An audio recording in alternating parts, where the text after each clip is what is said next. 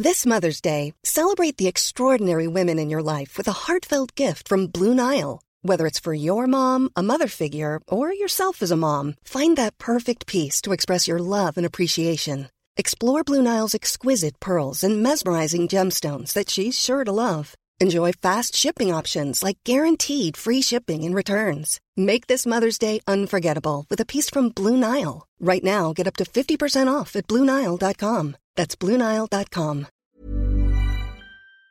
Hey, welkom bij deze podcast van Hedy Dancona en Hadassa de Boer, moeder en dochter. Uh, zij maken dit onder de vlag van Saar Magazine. Ken je Saar Magazine al? Saar heeft elk jaar zeven edities. Ja. En um, ja, het zijn de heerlijkste verhalen voor vrouwen van onze leeftijd, 50 plus.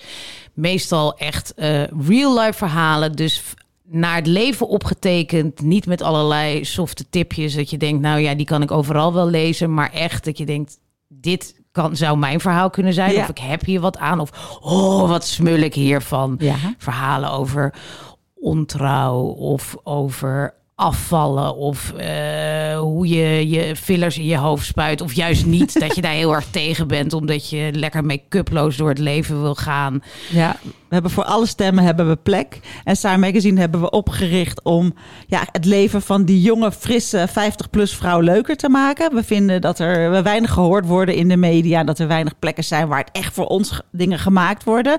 Dus Femke en ik zijn dat begonnen. Dat is ons eigen bedrijfje. We, hebben, zijn, we zijn begonnen met een website. En toen kregen we alsmaar telefoontjes van vrouwen die zeiden... ik wil graag een tijdschrift ook kunnen kopen. Nou, zijn we een paar jaar geleden een tijdschrift begonnen. Dus we zijn relatief nieuw. Daarom kennen jullie het misschien nog niet. We hebben ook cursussen. We gaan ook allemaal zelfhulpboeken maken, events organiseren. Nou, van alles. Dus kijk eventjes op saarmagazine.nl, eventueel slash abonnement, om eens kennis te maken met ons. En hier komen Hedy en Hadassa. Mijn naam is Hadassa de Boer. Ik ben 52 jaar. Naast mij zit mijn moeder Hedy Dancona. Zij is 86 jaar. Samen nemen we voor Saar Magazine ons leven, het verleden en het nieuws door. Dit is Vrolijk Voorwaarts.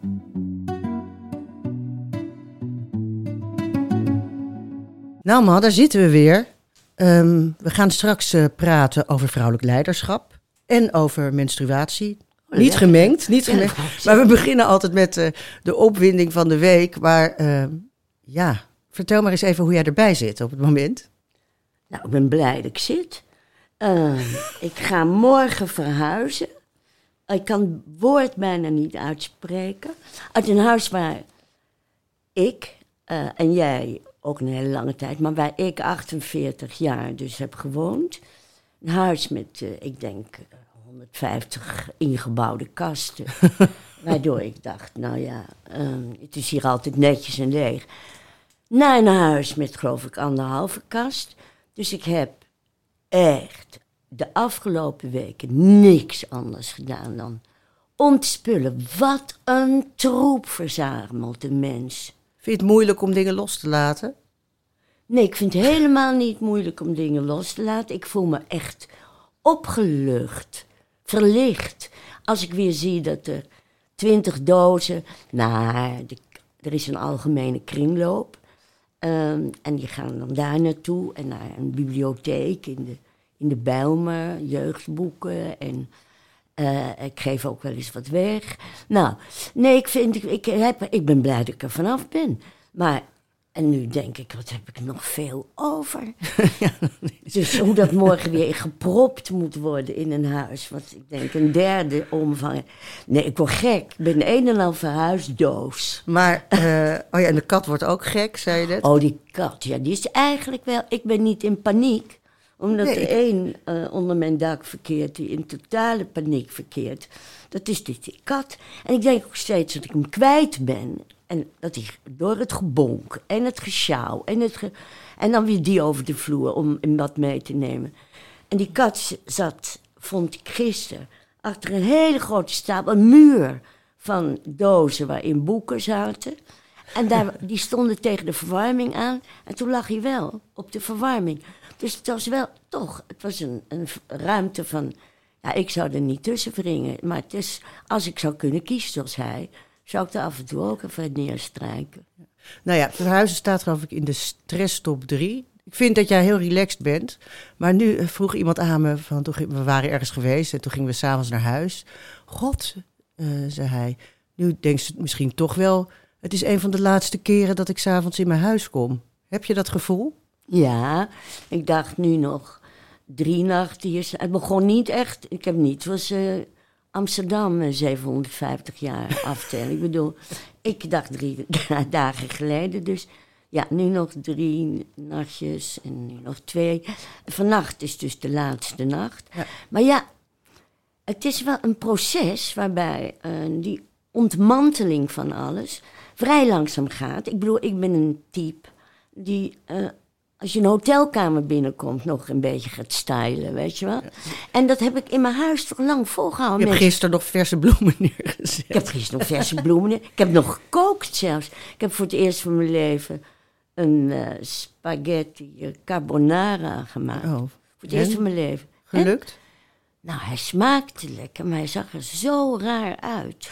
Dat, uh, ik zou hem niet serveren aan een ander. Maar ik vind, het, ik vind het ook gek, want het is ook mijn jeugd eigenlijk, hè? Die daar... Maar ik heb toch ook niet dat ik heel uh, weemoedig ben. Ik probeer daar niet te veel bij stil te staan. Ik vind ook dat je naar een hele nieuwe plek gaat. En ik vind het ook heel fijn voor mij dat ik dit niet hoef te doen. Omdat je, omdat je, dood, omdat je dood bent of naar een verpleegtehuis moet. En dat ik dan, dan wordt het echt heel, heel verdrietig om zo'n huis leeg te halen. En ik denk dat je dan ook meer nadenkt. In plaats van dat vrij achterloze van mij. Van dit kan weg, dit kan weg. Dit. Maar als, als je het voor een ander moet doen. Dat je dan echt denkt dat je moeder al door, uh, al de, door nog aan het killen bent. Nee, dat is niet zo. Ik vind het ook, want mensen kijken mij natuurlijk aan en denken... Mensen is gek geworden om op de 86e nog eens even uh, aan een uh, nieuwe woning te, te, gaan en te wennen. En dan denk je, ja, al is het maar voor een jaar. Wat ik nu de laatste weken heb ontspult, dat hoeven mijn kinderen niet te doen. Dat scheelt echt een stuk. Maar dat is niet de hoofdreden dat je weg wilde uit je huis? Nou, nee. De hoofdreden was maar dat je ik het huis trouwens. te groot vond. En dat het om me heen ging zwabberen. En dat ik ook een soort van woonschaamte kreeg. Omdat mensen dan zeiden... Woon jij hier uh, alleen? En weet je wel? Je ja. dacht, oh god. En dan dat ik dan moest zeggen, ja, dat vond ik ook niet leuk. Maar nee. het was ook niet een huis waarin je uh, eigenlijk... Uh, ja, jawel met je eigen kinderen. Maar toch weer, het was best groot. Te groot voor mij alleen. Ik heb ervan genoten van het ja. huis. Ik had een waanzinnig uitzicht. Wat ik nooit meer op die manier uh, krijg. Maar ik, ga, ik blijf in de binnenstad. Naar een huis wat nog weer 100 jaar ouder is um, dan dit. Ik heb het gevoel, het is, ook, het is ook dichtbij alles waar ik graag wil zijn. Het is in de oude Jodenbuurt. Nou, dus allemaal waar ik mijn, mijn wooncarrière eigenlijk begonnen ben in Amsterdam ja. op mijn zeventiende. Dus ik vind het ook wel spannend eigenlijk. Ja. Ik vind het echt spannender dan vervelend. Ja. En uh, nou, laten we het daarbij laten. Tot nou zover. Tot zover. Maar dat betekent niet dat je je niet nog opgewonden hebt over bepaalde zaken uit het nieuws. Want dat, dat moet, hè. Dat zeg altijd. Je, je moet je blijven opwinden of verwonderen. Ja, nou ja, ik, ik heb natuurlijk nauwelijks tijd um, om naar televisie te kijken. Maar en ik lees de kranten en ik heb er twee. En dan uh, kijk ik toch s'avonds naar het nieuws en naar... Ik heb mij ontzettend opgewonden over die ellende waarmee wij nu al weken, weken lang worden opgezadeld. Die ellende van die vluchtende mensen daar in Gaza. Uh, en wij maar handen wringend, want we kunnen er kennelijk niks aan doen. En al die landen die ook roepen, oh het is zo erg, stop dit. Twee miljoen mensen die van de ene kant naar de andere rennen. Er was één grote hulporganisatie, die zit daar al uh, 75 jaar, UNRWA. Met, en daar betaalde alle, de grootste hulporganisatie in, uh, in, in, in, in de bezette gebieden, UNRWA. VN-organisatie dus. En nou, daar, daar werd aan betaald ook door Nederland allemaal westerse landen. En nu is bekend geworden dat um, er twaalf medewerkers van die duizenden die daar werken in, bij die organisatie, worden verdacht van eh, eh, de medewerking aan die vreselijke inval op 7 oktober, aanval van Hamas. Ja. Er zijn er dus eh, negen ontslagen meteen. De, die verdacht zijn, Mhm. zijn dus ontslagen. En er zijn er twaalf verdacht. Nou, ik geloof dat er drie dood zijn inmiddels. Want er zijn nu bij die hul- hulporganisatie al 105 mensen dood. Nu krijgen zij de enige die nog voedsel uitdelen. De enige die eh, scholen daar doen. eh, ziekenhuizen hebben. Die krijgen van de westerse landen, waaronder natuurlijk Nederland als eerste, geen geld meer. Omdat ze verdacht worden. En niet die hele organisatie, maar die paar mensen. Erg genoeg.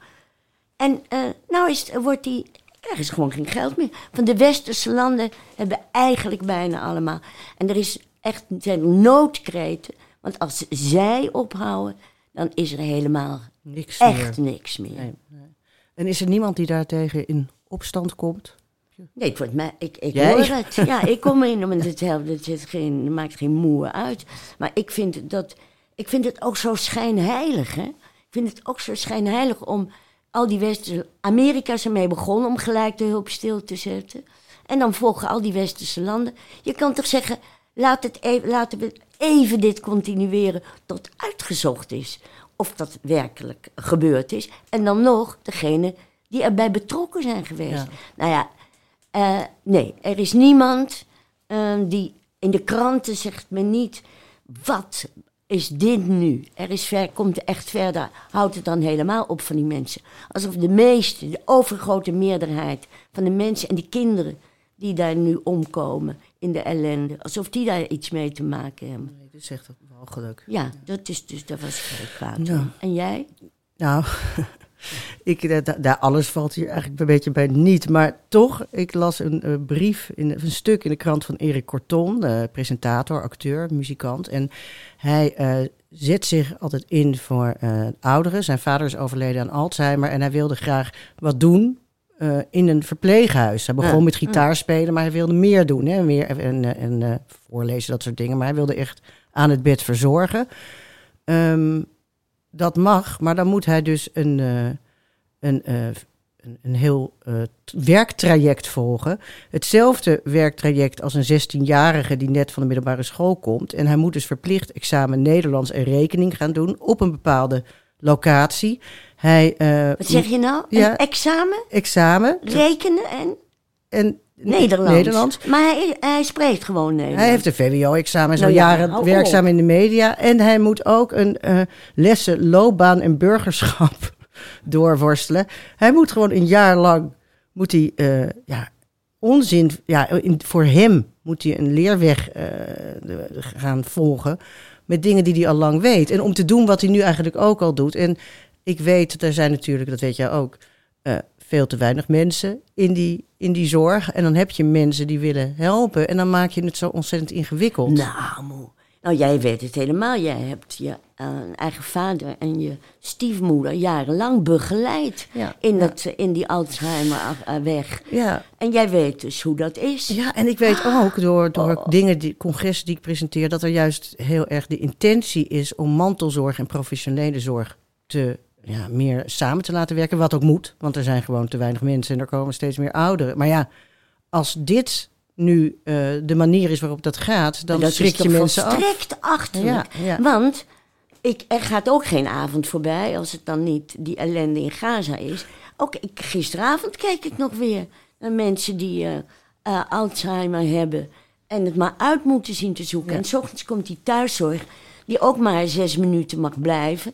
En die laat die hulpeloze mensen. Nou, het is toch niet te geloven. Dus ja, dit moet... Nou, dus dat vind ik een heel erg, goed punt ook. Ja, ja, ja, ja, nou, ik hoop dat het wordt, dat het wordt opgepikt, Ja, maar dat ze het hebben, meegenomen. wa- waar komt de luxe vandaan? Om, om mensen te gaan overhoren. Die een VWO-examen achter de rug hebben. Gewoon, en ook nog de praktische ervaring met hun eigen vader. Om die niet te omhelzen van kom helpen. En, Ja, nee, precies. Nou, het is te gek. Ja, toch? Ja, vond ik ook. Ehm, goed, dat is tot zover de opwinding. Eh, dan hebben we ook altijd een rubriekje vroeger en nu. En eh, daar stuitte ik op het nu op eh, wat menstruatiearmoede wordt genoemd. Want er zijn veel jongeren of veel menstruerenden überhaupt die dus blijkbaar geen geld hebben om maandverband of tampons te kopen. En in New York zijn nu alle middelbare scholen verplicht om gratis mhm. die, die, die, nou ja, hoe, wat is een woord daarvoor? Menstruatieproducten beschikbaar te stellen. Uh, en ook in Amsterdam speelt dit, want er zijn ook echt veel meer in Amsterdam, las ik in de krant. Van de menstruerende Amsterdammers heeft 27% niet iedere maand genoeg te besteden om menstruatieproducten te kopen.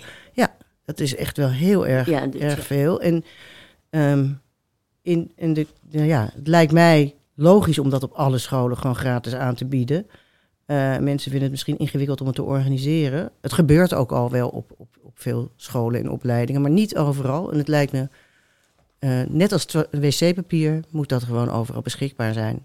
Nou ja, vind ik ook echt heel, ja. heel. Maar ja. toen dacht ik, want nu is dit bekend, hoe was dat vroeger? Was er toen menstruatiearmoede? Hoe, wat, was, er, was er überhaupt maandverband toen jij nou, jong was, toen je ongesteld werd? Jawel, ja. Was er wel... Uh, waren van die grote pakken. Ja. Um, die je kon kopen bij, de drogist of bij de manufacturenwinkel, van die hele grote pakken. En daar um, zat dan zo'n soort kussentje met twee uiteinden. Oh ja, oh god, oh ja, nou weet ik het weer. Kijk, het was toch niet iets waarover ik althans zo makkelijk sprak als dat tegenwoordig. Hè? Dus ongesteld heette dat dan. Ik was vrij laat ongesteld. En toen werd ik het en moest ik het dus aan mijn moeder vertellen. Mijn moeder ging huilen van, oh, en die ging dat ook, uh, nou, die vond het zo bijzonder. En die deed net alsof het uh, feest of zo was. Ik dacht, en mijn moeder was nogal overwhelming qua emoties. Dus um, dat was allemaal leuk en goed bedoeld. Nou, dan gaan we samen, gaan we uh, gezellig naar Leiden. Dat, en dan kopen we een, kopen een gordeltje zo. Nou, een gordeltje? Want dat maandverband moest in een gordeltje. Ja? ja, het was dus... Ik ging met mijn moeder naar de Gerson, geloof ik. Om, want we kregen een nieuwe regenjas, dat was nog feestelijk. En toen gingen we naar, naar een andere winkel. En toen ging mijn moeder daar... Want dan moest je dus een... zei mijn moeder... Um, ik wil graag een maandverband gordeltje. Want kijk, mijn dochter is van de week. Nou, ik dacht dat ik door de grond. Dus toen had je geen menstruatiearmoede. Ik had echt diepe menstruatieschaamte. Ging mijn moeder dus dat vertellen. Het was een elastieke uh, gordeltje. Wat moest je om je middel doen? En er hingen twee uiteinden aan met een lipje. En dan kon je die uiteinden van dat verband. Daarin van dat klemmen. maandverband kon je niet klemmen, zo'n beetje hangen. Oh nou, dat was niet ingewikkelder. Ik, ik ben niet zo technisch en ik heb het ook al jaren niet meer nodig gehad. Maar dat was dus vroeger wel wat je gebruikte. Maar, mijn moeder zelf en in de oorlog herinner ik me wel dat er altijd wel een emmer stond waar oude handdoeken in lagen.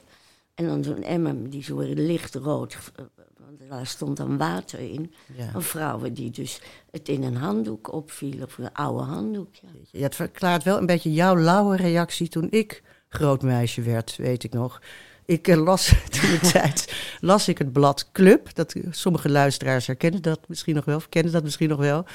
Uh, en daar werd dan ook over geschreven van meisjes die voor het eerst ongesteld werden. En dat dan ook uh, ouders slingers van tampons gingen maken. En, ja. ja, nou ja, dat, dat, was een heel bijzonder moment. En ik, het was een zaterdagavond en, we gingen bij jou op bed, mochten we dan televisie kijken. Jij had een blad met allemaal lekkere dingen mee eh, gemaakt, thee en chocolaatjes en weet ik het. En toen opeens zei ik, nou ja, ik ging naar de wc, ik geloof dat ik ongesteld ben geworden. En toen zei, hij, zei ik, Hè? ga je nu niet een slinger maken met tampons? En toen zei hij, ik heb toch net een heel blad met lekkere dingen gemaakt.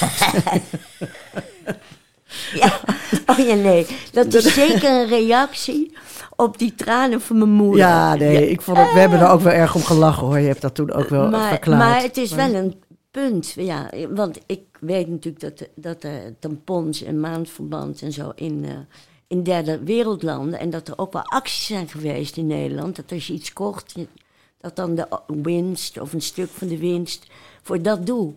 Maar dat wij in een rijk land Ja. nu eh, een tekort aan. En weet je wat ik, wat ik dus naar vind? Dat die meisjes dan, als ze dan op school dan eh, ongesteld worden, moeten ze dan dus bij de, bij de amanuensis of de Nee, conciërge gaan. ja, Waar dat- moeten ze halen? Nee, dat, daar, daar, daar, is- daar, Aan dat, gedacht. daar is aan gedacht. Maar Ja. wat wel vervelend is, waar het niet is, waar geen menstruatieproducten te halen zijn, daar gaan sommige meisjes gewoon niet naar school, omdat ze zich schamen. En dat is natuurlijk helemaal eh, verschrikkelijk. Dus ik zit nog even te kijken, wat er stond nog iets over. eh, oh ja, dit zag ik nog in de krant. Dan, daarna stop ik hoor. Maar in 2022 stemde de meerderheid van de Tweede Kamer voor een voorstel van D66 om menstruatieproducten gratis beschikbaar te stellen voor minima via uitgiftepunten van bijvoorbeeld het Armoedefonds. VVD en PVV stemden tegen. Ja. Ja, nou ja. Het is maar eh, hoe je door de ogen van een ander kunt kijken. Precies. Ma, Ja. jij wilde het hebben over vrouwelijk leiderschap. Oh ja. Ja. Ehm, Waarom? vrouw- nou, eh, ik werd erop geattendeerd omdat het in de krant stond een paar weken geleden en ik was bezig met iets. Dus ik zag ineens, ik dacht, hè? Eh, nou, dat. eh, dus eh, als we kijken naar leiderschap, dat dan nog steeds in Nederland slechts 17% van de vrouwen in de top te vinden is tegenover 83% mannen. En dat dat eigenlijk eh, A. weinig veranderde de laatste jaren.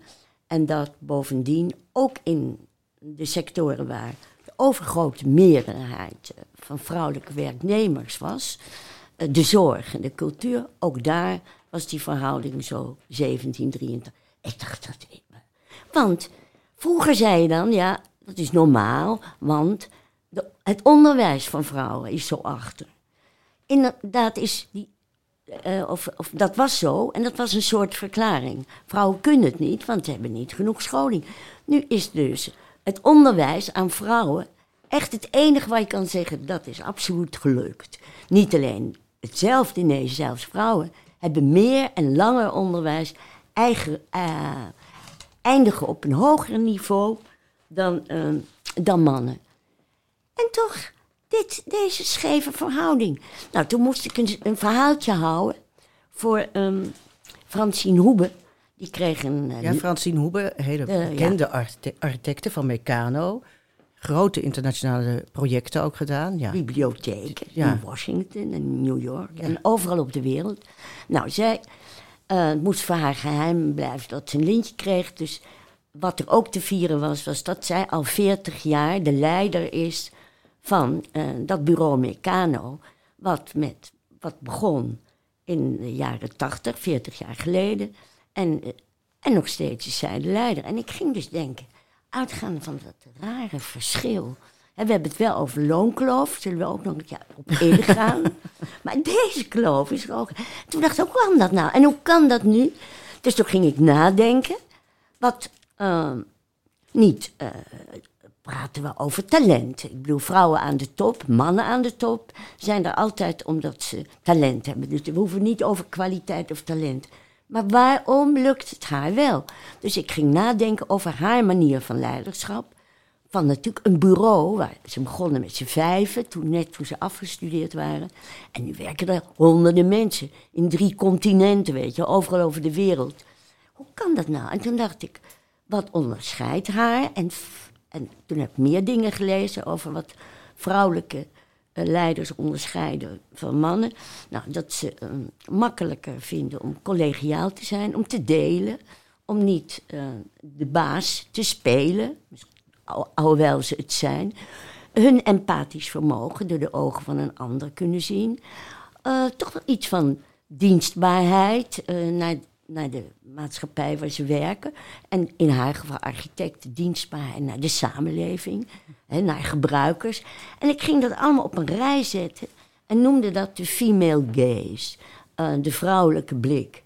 En ehm, ik heb dus eh, geprobeerd te verklaren dat het succes van haar leiderschap en waarschijnlijk altijd, eh, of niet altijd, want nooit is iets altijd, maar vaak van vrouwen zou kunnen zijn.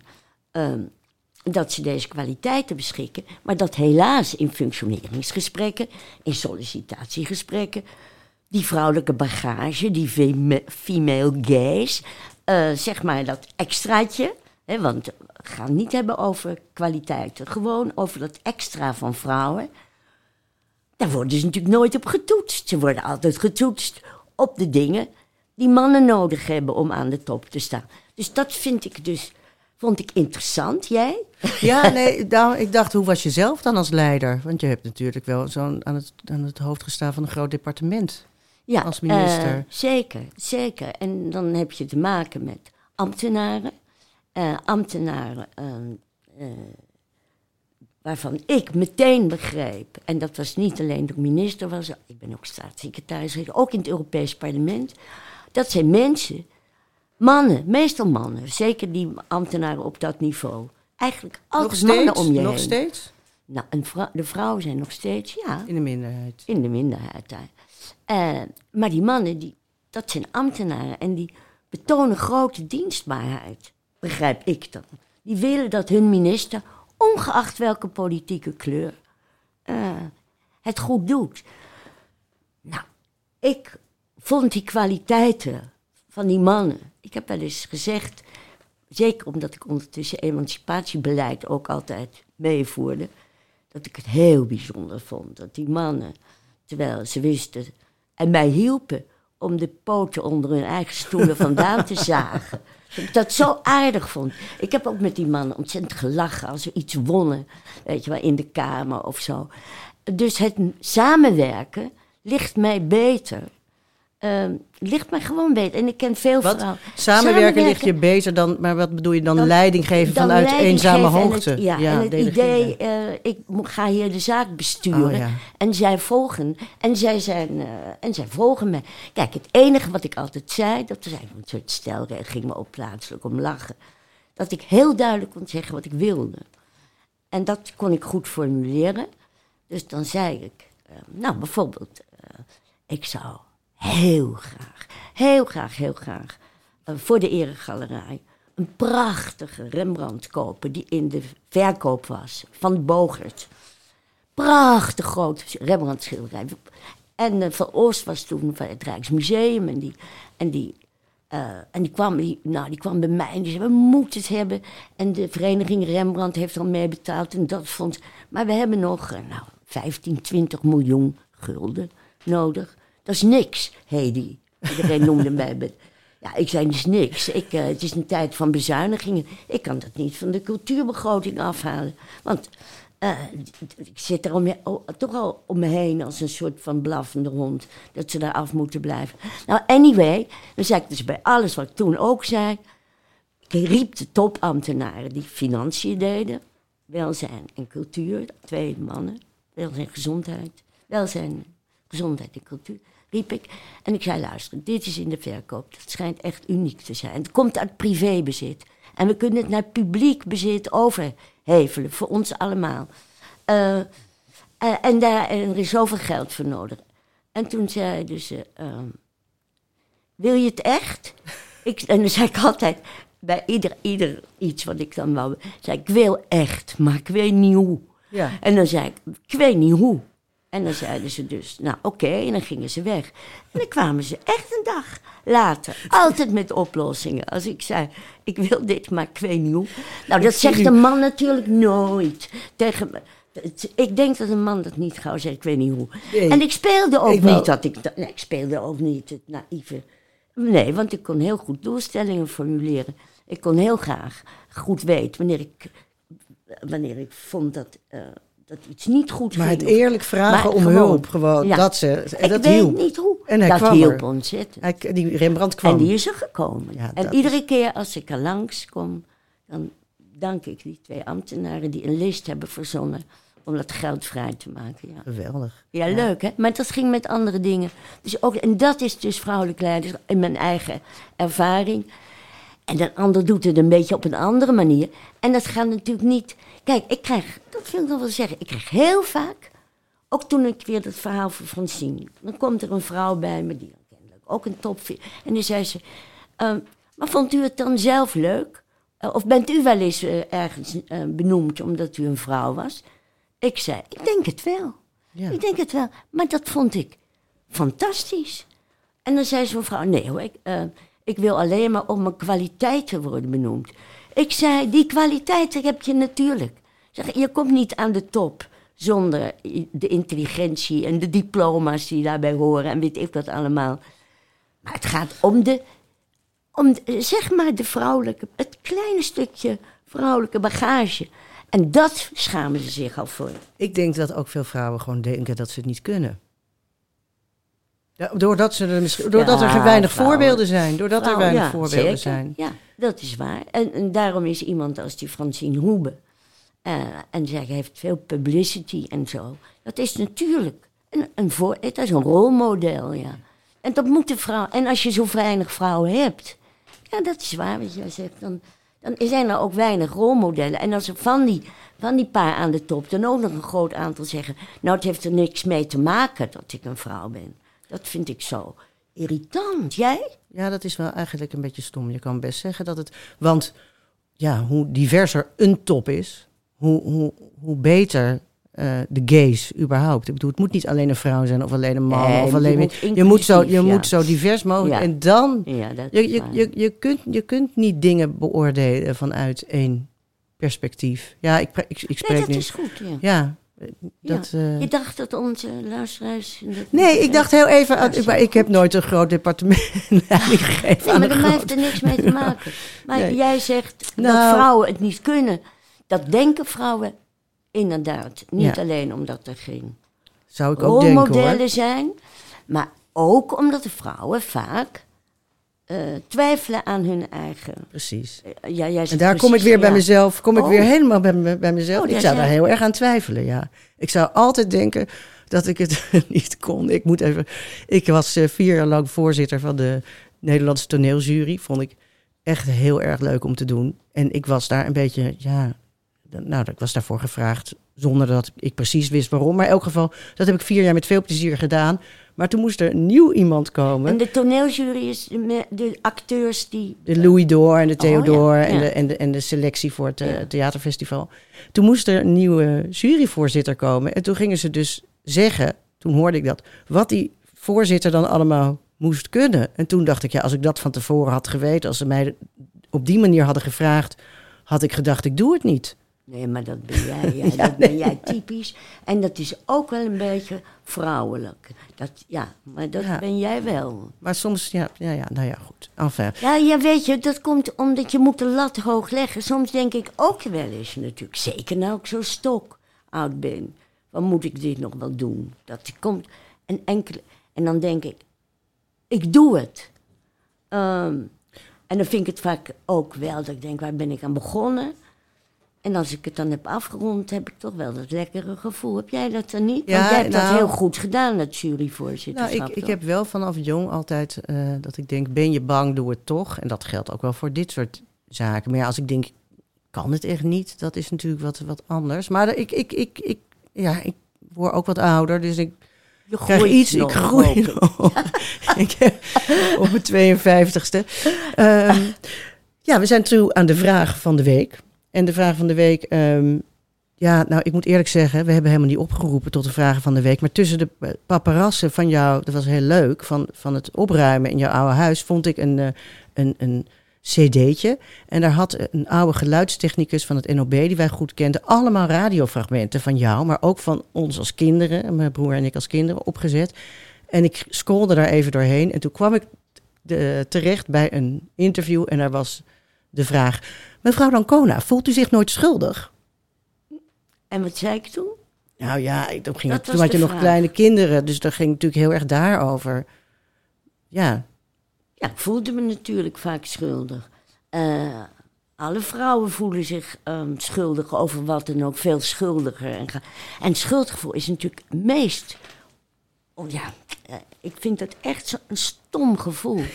Maar ja, je hebt er vrij je- weinig aan. ja, nou ja, echt, er leeft helemaal niks op. Het is een, een duf, de bedrukkend gevoel. Heb jij wel een schuldgevoel? Oh ja, maar nu niet meer zo tegenover mijn zoon, want die is nu het huis uit. En dus dat is klaar met, met werken. Maar wel, ja, ik heb best wel vaak dat ik denk, oh, ik ben wel heel veel weg van huis, ook tegenover mijn man. Terwijl die zit daar waarschijnlijk helemaal niet mee. Of tegen de tegenover- hond ook? Tegen de hond. Ja, ik was laatst bij de dierenarts. Ik doe de, de hond was gecastreerd, dus ik dacht, ik weeg ze eten. Toen kwam ik bij de dierenarts voor de jaarlijkse controle. Toen was die hond te mager. En voel jij je schuldig? Oh god. Tuurlijk. Wat? Ja, nee, maar het is, het is echt eh, iets wat vrouwen heel erg eh, vaak hebben. Om van alles en nog wat. Nou, wanneer voelde jij je voor het laatst schuldig? Eh, wanneer voelde ik... Nou ja, goed. eh, eh, Gisteren nog wel. Dat ik dacht dat ik niet aardig genoeg geweest was... tegen vrouwen die mij geholpen hadden met ontspullen. Ja, en die had ik daar wel gewoon afgesproken honorarium voor betaald. Maar ik dacht, ik had nog iets aardigs moeten doen. Ik had ze nog iets eh, moeten geven. Een kunst, zo. Oh, Kan jee, alsnog. Ja, dat kan wel zo, maar toen voelde ik me schuldig. Maar dat vrouwen het altijd wel hebben en zich afvragen, ben ik wel aardig genoeg? Ben ik wel niet? eh, ben ik, heb ik wel dit? Is het mooiste, is uit alle tijden, toen was, weet ik nog wel, dat Joke Smit... ehm, Moet je even uitleggen voor de- van Opzij. eh, Van van, Opzij, nee, ja. niet van Opzij. Man-vrouw maatschappij. ja, jij weet het beter niet. Man, vrouw, maatschappij, MVM. Met jo Joke Smit startte dat en vrij snel was ik daarbij betrokken en hebben we die club opgericht. Naar In de aanleiding jaren? van haar, In de jaren 60. ja, denk ik. 68, ja. ja.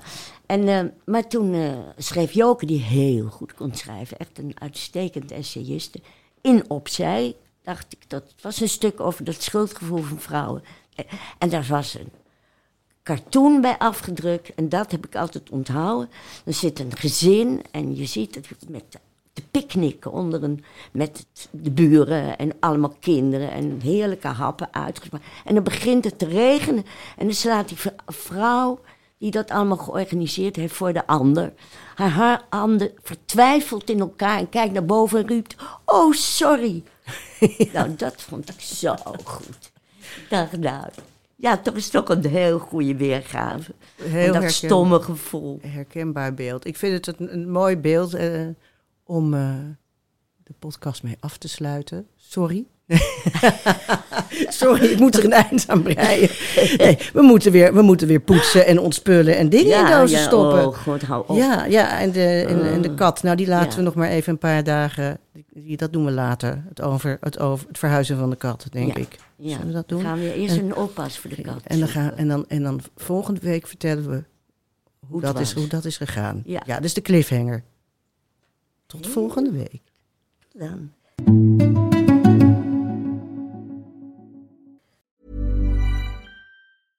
Hey, it's Paige DeSorbo from Giggly Squad. High quality fashion without the price tag. Say hello to Quince. I'm snagging high-end essentials like cozy cashmere sweaters, sleek leather jackets, fine jewelry, and so much more. With Quince being 50 to 80% less than similar brands. And they partner with factories that prioritize safe, ethical, and responsible manufacturing. I love that. Luxury quality within reach. Go to quince.com slash style to get free shipping and 365 day returns on your next order. Quince.com slash style.